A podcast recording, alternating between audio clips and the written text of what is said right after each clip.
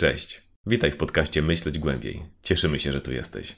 Jest to wersja audio naszych filmików na YouTubie, więc treść jest ta sama, z jedną różnicą. Będzie brakować linków, które wyświetlały się na ekranie w chwili, kiedy mówię o tutaj. Ale odnoszą się one do naszych starszych odcinków, do znalezienia których powinna pomóc wyszukiwarka. A teraz miłego słuchania. Zapewne spotkałaś się już z bzdurami na temat postmodernizmu, których ostatnią odsłoną jest felieton Marcina Matczaka, radcy prawnego, profesora nauk prawnych oraz ojca. To tylko najświeższa z odsłon bzdur na temat postmodernizmu, więc zapewniamy, że w którymkolwiek momencie oglądasz to wideo, będzie ponadczasowe. Ale że jest tworzone na gorąco, to jak zawsze bez wizualiów. Skrótowy zarys sytuacji. Matczak stwierdził, że młodzież powinna pracować po 16 godzin na dobę. Po czym wdał się w debatę z Adrianem Zandbergiem z partii Razem, który stwierdził, że może 8 godzin jest jednak ok. Jeśli planujesz nadrobić tę inbę, to polecamy coś przyjemniejszego i bardziej konstruktywnego. Możesz na przykład, jak ja, wyjść na dwór i postać w październikowym deszczu, dzięki czemu będziesz mieć szansę, powiedzmy, się przeziębić. Nadal wyjdziesz do przodu. W każdym razie, Matczak w swoim felietonie odpowiada filozofowi Janowi Hartmanowi, że lewica jest leniwa, bo marksizm, postmodernizm, relatywizm i bolszewia jest tam dużo. Ale my skupimy się tylko na jednej perełce, która równie dobrze mogłaby być napisana przez Jordana Petersona i Krzysztofa Karonia, jak gdyby trzymali wspólnie pióro, niczym w jakimś podwójnie przeklętym seansie Ouija.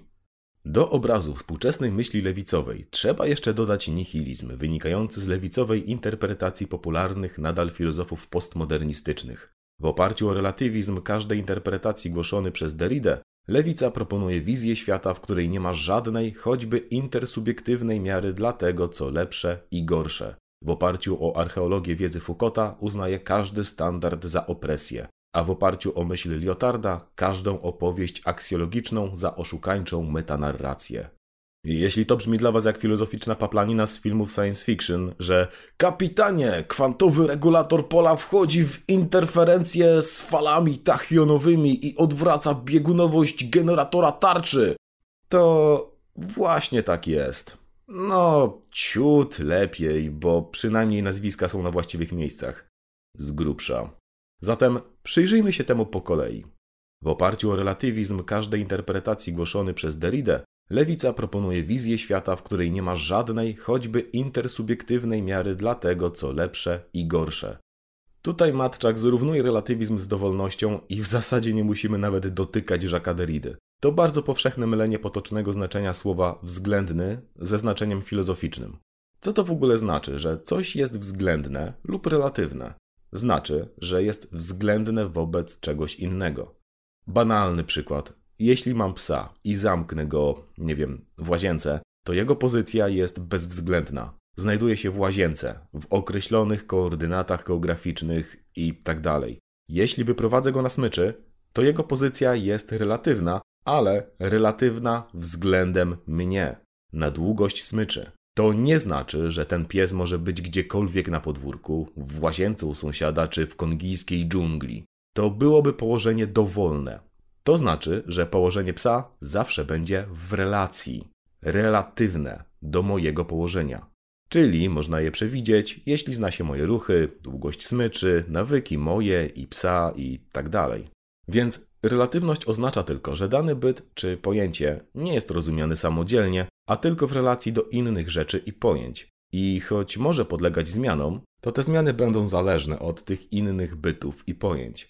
Taki sposób rozumienia świata nazywany jest strukturalizmem i zrobiliśmy o tym całe wideo. O, tutaj.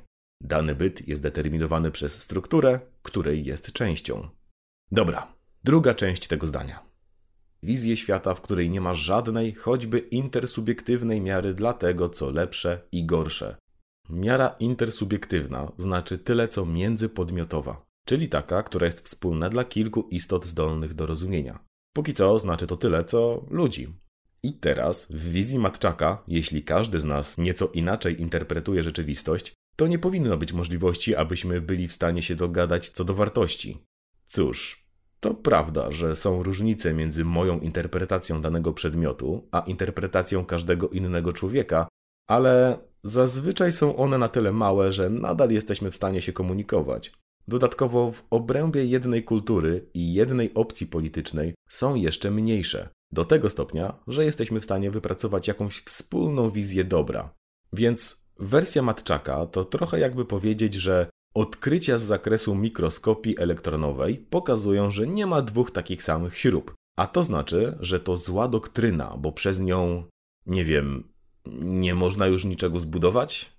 Takie twierdzenie łatwo obalić tym, że istnieją standardy produkcji śrub i że różnice mieszczące się w ramach standardu nie powinny wpływać na funkcję śrub. Podobnie jak te małe różnice w naszym rozumieniu nie powinny wpływać na możliwość komunikowania się. Ale wydaje nam się, że tu jest coś więcej. Matczak jest liberałem, a my często lubimy sobie żartować z liberałów i ich koncepcji rozumu, czy też raczej rozumu.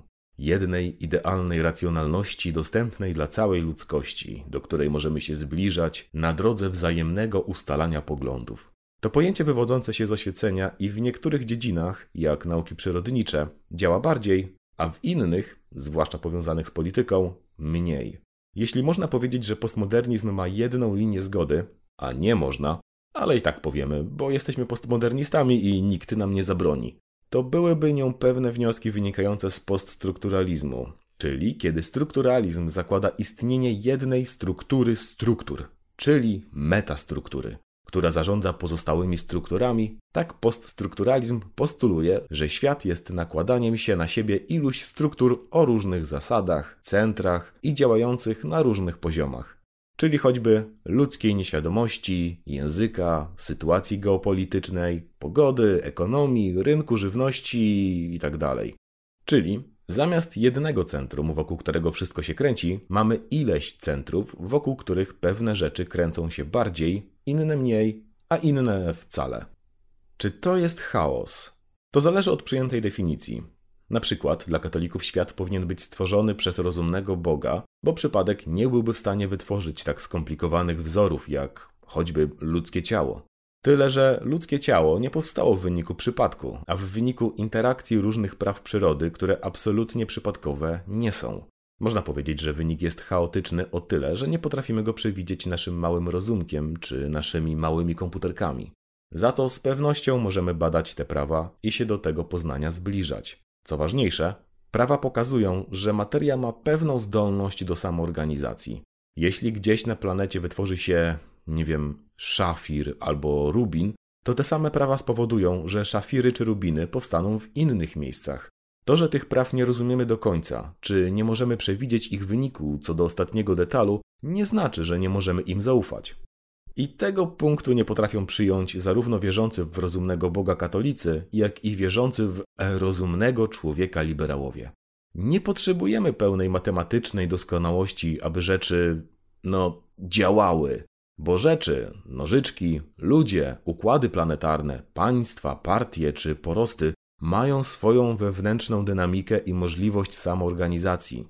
To nie jest tak, że abyśmy mogli się skutecznie porozumieć, to nasze interpretacje muszą być absolutnie matematycznie identyczne. Wystarczy, że są zgodne, że tak powiem, do kilku miejsc po przecinku. Zazwyczaj dość niewielu. Dobra, to była długa analiza zdania, ale teraz będzie już z górki. Zdanie drugie. W oparciu o archeologię wiedzy Foucaulta uznaje każdy standard za opresję. Nie jesteśmy pewni, czy aby archeologia wiedzy Michela Foucaulta jest tu na pewno dobrym określeniem. Ona bardziej oznacza, że przyglądając się temu, jak funkcjonowały pewne elementy wiedzy w przeszłości, możemy zauważyć, że one leżą w czymś przypominającym jedną warstwę archeologiczną.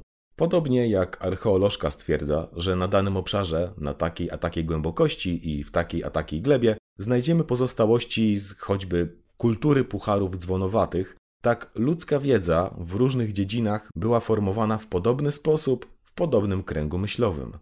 Te warstwy nazywa się epistemę i jest ich w sumie niewiele, ale dobra, to nie o tym aspekcie Foucaulta miało być. To, o czym mówi Matczak, jest bliskie normom, o których mówi nasze wideo o władzy, dostępne o tutaj. Więc czy każdy standard jest opresją? Najpierw zastanówmy się, czym jest standard. Jaka jest rola kontrolera jakości czy inspektora budowlanego? Czy przychodzi, sprawdza zgodność ze standardem, po czym stwierdza, że jakkolwiek jest, to jest fajnie? Nie. Standard jest wzorcem, wedle którego coś mierzymy, po czym odrzucamy to, co go nie spełnia. Standard, w oparciu o który nic nie odrzucamy, jest bezużyteczny. To jakby w fabryce był specjalny kontroler jakości i sprawdzał, czy każdy wyprodukowany samochód nie jest, nie wiem, słoniem. To nie byłaby przydatna praca. Okej, okay, to pytanie drugie. Czy standard jest uciskiem? To zależy w jaki sposób rozumiemy to słowo. Bo jeśli w potoczny i nacechowany negatywnie, to tak. Wychodzi nam pewna sprzeczność. Bo skoro lewica chce wolności od ucisku, to musiałaby chyba znieść wszystkie standardy, aż cała materia zamieniłaby się w jednolitą szarą masę. Ale też nie mogłaby tego zrobić, bo to byłby ucisk. W każdym razie przynajmniej zostawiłaby w spokoju matczaka. To pomieszanie bierze się stąd, że mylimy rozumienie ucisku w znaczeniu pewnej roli, którą odgrywa standard, z nieuczciwym traktowaniem osoby lub grupy osób. Ale to jakby pomylić rozumienie siły w znaczeniu fizycznym z kultem siły występującym w faszyzmie. Zobaczcie na tą fizykę. Ona ciągle mówi o siłach i o tym, że to większa siła ostatecznie zwycięża. A do tego jeszcze jej symbolem jest F. Mhm. O wiele lepszym terminem na to są jednak przepływy władzy, które można analizować w polityce podobnie jak działania sił w fizyce. I rzeczywiście jest to coś, na czym lewica mocno się skupia, jako na głównym narzędziu badania rzeczywistości społecznej. Ale te pojęcia władza, ucisk czy siła należy rozumieć zawsze w kontekście właściwym, czyli tu bez wartościowania. Okay, czas na trzecie z tych zdań a w oparciu o myśl Lyotarda każdą opowieść aksjologiczną za oszukańczą metanarrację. No, tutaj Jean-François Lyotard jest na właściwym miejscu, bo rzeczywiście głosił upadek wielkich metanarracji oświeceniowych. Jak zawsze, zacznijmy od wytłumaczenia słów. Aksjologiczny znaczy dotyczący wartości w znaczeniu etycznym, a metanarracja narracje o narracjach. Co to znaczy koniec metanarracji? że nie ma już sensu opisywanie całego świata, jako choćby Królestwa Bożego, nieuchronnego marszu rozumu, czy też konfliktu klasowego, który bez wątpienia zakończy się światowym komunizmem. Tak, marksizm też jest metanarracją, którą postmodernizm odrzuca. Taki świat bez jednej wizji wygląda strasznie do czasu, aż sobie uświadomimy, że już w nim żyjemy. Nie ma jedynego systemu prawnego, jedynego ustroju czy jedynego języka. Czy to znaczy, że każdy język jest oszukańczy? I skąd możemy wiedzieć, jaki język wybrać? Odpowiedź na drugie pytanie jest banalna. Wybieramy ten język, który jest używany na danym terenie. Jesteś w Polsce, mówisz po polsku. Spotykasz w Polsce Hindusa, to pewnie spróbujesz do niego mówić w hindi, angielszczyzną lub polszczyzną, zależnie od tego, jakie znasz. Tak, jest wiele języków, ale nie są przydzielane losowym ludziom w losowych miejscach, a są powiązane z obszarami, narodami, grupami zawodowymi itd. Tak Podobnie systemy wartości zazwyczaj są wspólne dla jakichś grup. A teraz trudniejsze pytanie.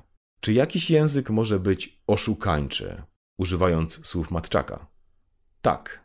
Taki, który uzna się za jedyny prawdziwy albo za obowiązujący na terenie, choć tak nie jest. I widzicie, te kwestie Matczak totalnie poplątał. Różne systemy wartości czy różne narracje nie są oszukańcze same z siebie. Są oszukańcze tylko wtedy, kiedy postanowimy je uznać za uniwersalne i obowiązujące ponad innymi. I właśnie to roszczenie należy kwestionować, a nie same systemy. Czyli dotarliśmy do względności systemów aksjologicznych. A jak już pamiętacie, kochani i zdolni widzowie, względnym jest się zawsze wobec czegoś. Czyli to nie jest tak, że te systemy są równorzędne, tylko że możemy je oceniać jedynie z perspektywy innych systemów.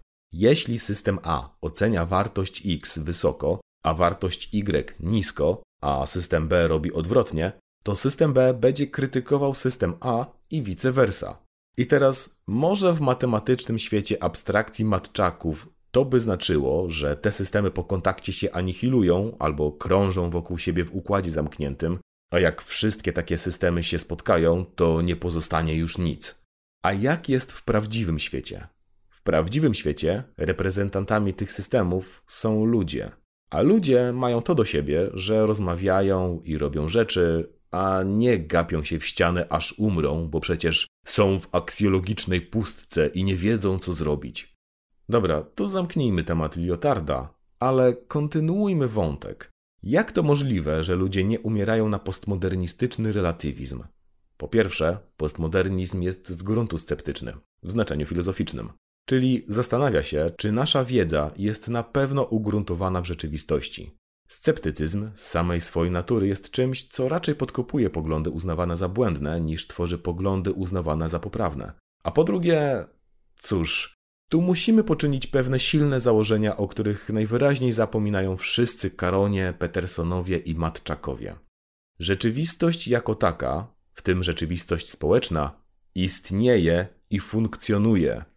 Postmodernizm służy do krytyki zastanego świata i społeczeństwa, które chce uczynić trochę lepszym. Nie postuluje zaorania wszystkiego i stworzenia nowego społeczeństwa na styl postmodernistyczny, bo to byłaby właśnie kolejna wielka narracja. I teraz ktoś może zakrzyknął: Haha, podli postmoderniści, sami się złapaliście we własną pułapkę. Przecież powiedzieliście, że chcecie uczynić świat lepszym. Niby według jakich kryteriów, skoro nie ma jednej miary tego, co lepsze? Odpowiedź jest prosta. Wystarczy, że powiążemy kilka wątków z tej wypowiedzi. Wielkie narracje nie są fajne, w dużej mierze dlatego, że pewien pan z małym wąsikiem z Niemiec miał wielką narrację na temat tego, kto powinien żyć, a kto nie. W podobnym czasie pan z dużym wąsem z ZSRR miał pokrewną wielką narrację i że podobno ludzie sami tego chcieli, bo on lepiej znał ich interes od nich. Taka próba odgórnego narzucania porządku zakończyła się katastrofalnie. Tak, postmodernizm powstał również w reakcji na odmianę marksizmu uprawioną w ZSRR. Chociaż sam Matczak radośnie miesza postmodernizm i współczesną lewicę z tamtym marksizmem i tym, co zapamiętał z dzieciństwa. W momencie upadku PRL-u miał 13 lat, więc no. Znaczy, to generalnie pokazuje poziom retoryki felietonu, bo jest tam też PiS i Wenezuela jako przykłady socjalizmu. A w każdym razie, skoro wiemy, że świat istnieje i może się samoorganizować, to możemy zwyczajnie oddać decyzję ludziom. Lewicowi interpretatorzy postmodernizmu w większości są demokratami. Możecie choćby spojrzeć na tak ważną postać jak Chantal Mouffe i jej pojęcie polityczności, które opisaliśmy o tutaj. Owszem, ta demokracja jest rozumiana szerzej, czyli nie, że tylko chodzimy do wyborów co 4 lata, a w międzyczasie czytamy felietony i słuchamy piosenek o tym, że PiS jest zły, a że obserwujemy te przepływy władzy i narracje na co dzień, w rzeczach, które z klasycznego punktu widzenia wydają się apolityczne i działamy zgodnie z naszą koncepcją dobra, która, jeśli zarezonuje i zyska demokratyczne poparcie ludzi, przerodzi się w ruch, partię czy nurt myślowy. Na tym polega prawdziwa demokracja, która jest po prostu wnioskiem z tego, że świat może działać taki, jaki jest, bez jednego nadzorcy. Dzięki osiągnięciom postmodernizmu większość współczesnych marksistów wróciła do demokratycznych korzeni tej myśli, bo ma ostatecznie ufność we wrodzoną ludzką dobroć. Koniec końców, sukces ewolucyjny zapewniła nam współpraca wewnątrz gatunku, a nie szalona konkurencja. Ta skłonność do współpracy może zostać przykryta na jakiś czas przez kiepską organizację społeczeństwa, a w pewnym momencie i tak wypłynie. Choć niekoniecznie dokładnie w taki sposób, jak ty czy ja sobie to wyobrażamy. I to chyba zdrowsza wizja niż konieczność harowania po 16 godzin pod jedną narzuconą z góry ideologią. A przynajmniej tak można na to patrzeć, aby myśleć trochę głębiej. Okej, okay, kochani, parę słów na zakończenie. Polecamy przeczytać felieton Matczaka, link w opisie, zwłaszcza w kontekście naszego wideo o prawicy, liberalizmie i lewicy, dostępnego o tutaj, bo fajnie pokazuje, jak liberalizm potrafi krytykować lewicę. Znaczy, mówię fajnie, a mam na myśli komediowo przerysowanie. Tutaj też podziękowania dla osób, które przelały czarę i spowodowały powstanie tego wideo. Bip Bopa z naszego Discorda i Karoluka z naszego Twittera. Może o nim słyszeliście. To youtuber, do którego kiedyś aspirowaliśmy, a za kilka miesięcy przegonimy. I tak, mamy Twittera od kilku dni, bo pan S usłyszał, że to taka współczesna agora, na której każdy może współuczestniczyć w dążeniu do prawdy, piękna i dobra. A jak już mowa o Twitterze, to możecie nam się dorzucić na yerbę zalewaną na bogato. Powiedzmy soplicą korzystając z przycisków Wesprzyj poniżej lub zostać naszym patronem. Dziękujemy.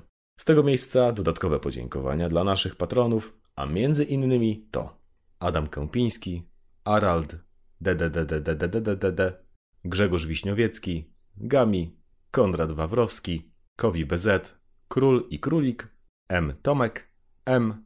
Mariusz Wo, Ouli, Patrycja, Paweł Litwinowicz, Praptak, Sachi, Sushi, Szymon Piotrowski oraz Wodzu Metal. Jeszcze raz, gorące podziękowania dla Was, kochani. To wszystko na dziś. Jak słyszycie, odzyskałem głos, no częściowo, więc będziemy się słyszeć ponownie już niedługo.